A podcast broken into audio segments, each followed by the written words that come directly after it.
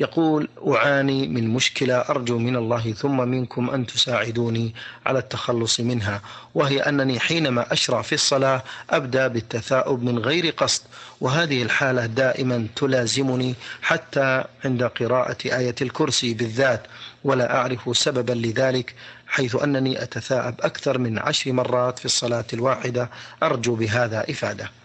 التثاؤب من الشيطان كما أخبر بذلك النبي صلى الله عليه وسلم. وكما يتسلط الشيطان على المصلي بإلقاء الوساوس في قلبه والهواجيس التي لا زمام لها ولا فائدة منها كذلك ربما يتسلط عليه بالتثاؤب ويتثاءب كثيرا حتى يشغله عن صلاته. فإذا وجد ذلك فليفعل ما أمر به النبي صلى الله عليه وسلم يكظم ما استطاع فإن لم يستطع فليضع يده على فمه حتى لا يجعل للشيطان سبيلا إليه وليحرص على أن يقبل على الصلاة بنشاط وهمة وعزيمة صادقة وليسأل الله سبحانه وتعالى العافية مما يحدث له في صلاته. وإذا سأل الله تعالى بصدق وفعل ما يستطيع من محاولة إزالة هذه الظاهرة فإن الله سبحانه وتعالى يقول